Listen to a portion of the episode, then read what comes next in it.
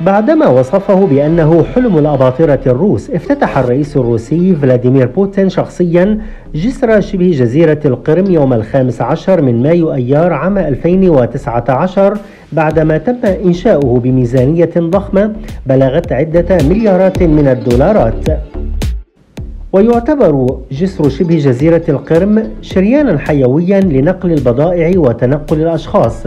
إذ يبدأ الجسر في شبه جزيرة تامان ويمر على طول السد الحالي بمسافة خمسة كيلومترات فيصل إلى جزيرة توزلا ثم يتابع سيره عبر مضيق كيريتش ويدور حول بورون من الشمال ليبلغ مجموع المسافة التي يقطعها 19 كيلومترا فيربط إقليم كراسنودار على البر الروسي بشبه جزيرة القرم. وتم بناء معبر النقل فيه من طرق موازية للسيارات والسكك الحديد على حد سواء وساهم في زيادة متوسط الكثافة الشهرية بمقدار أربع مرات لنقل البضائع بعد تشغيل الجسر بين البر وشبه الجزيرة بالتوازي مع زيادة عدد السياح إليها.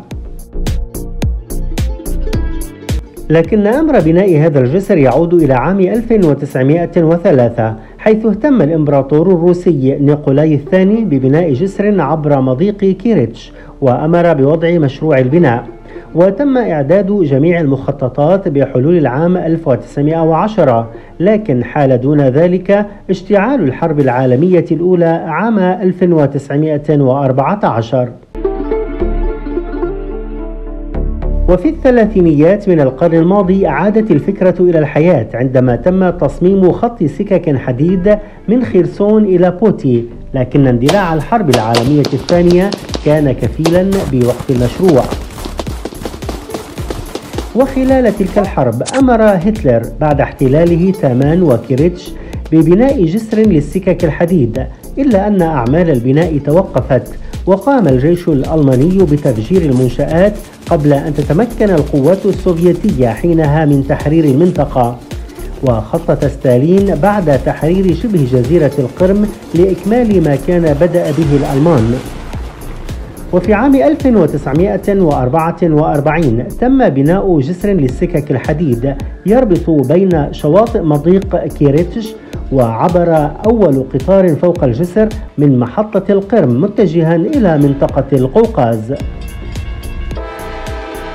عام 1945 تسبب انجراف جليدي قوي في مضيق كيريتش بانهيار قرابة نصف دعامات الجسر. تعاقبت المحاولات لإعادة البناء بعد انهيار الاتحاد السوفيتي.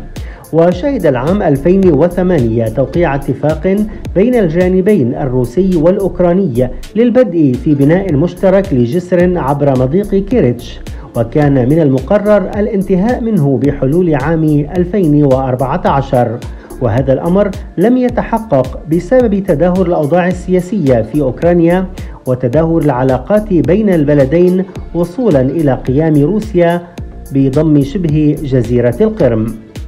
شكرا لكم لحسن المتابعة وإلى لقاء قريب.